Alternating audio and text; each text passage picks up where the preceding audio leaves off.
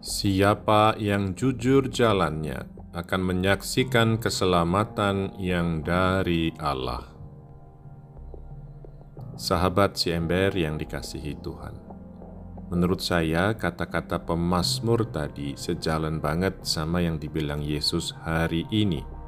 Dalam Injil, Yesus ngomong ke orang banyak dan murid-muridnya.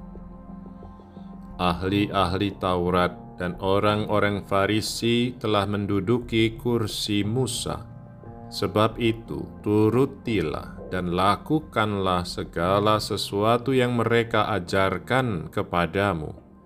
Tetapi janganlah kamu turuti perbuatan mereka, karena mereka mengajarkan tetapi tidak melakukannya.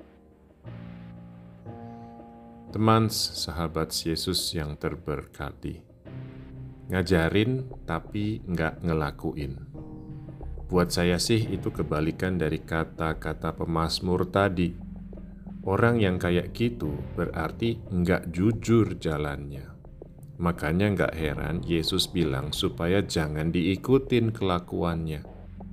Dengerin aja pengajarannya, tapi jangan contoh sikap hidupnya yang mereka ajarin baik, tapi cara hidupnya munafik dan makanya nggak pantas ditiru karena nggak ngebawa ke keselamatan juga. Teman-teman yang disayang Tuhan, Yesus mau ngajarin kita untuk nggak nonjol-nonjolin diri, apalagi sok-sokan jadi pemimpin. Di sisi lain, Yesus minta kita supaya hidup baik ngelakuin semua yang dia ajarin.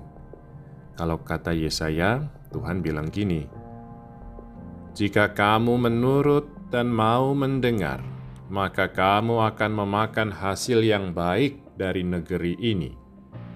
Nah, kalau cara hidup kita udah kayak yang dibilang Yesus dan Yesaya, pastilah kita jadi pribadi dengan kualitas yang pantas diteladani bukan cuma didengerin omongannya, tapi dilihat dan dicontoh sikap dan perbuatannya.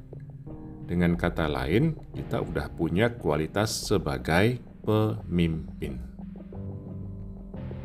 Sahabat kekasih Allah, kalau ditambah satu lagi, yaitu sikap sebagai pelayan terhadap sesama, makin pantaslah kita jadi pemimpin tanpa harus nonjolin diri atau sok-sokan, kita dari sendirinya pantas jadi pemimpin.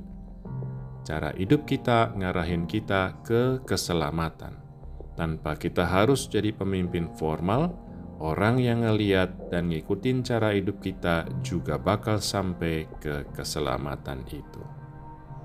Keren banget gak sih kita? Kalian baru aja dengerin renungan si ember bersama saya, Mo Nano. Tuhan memberkati.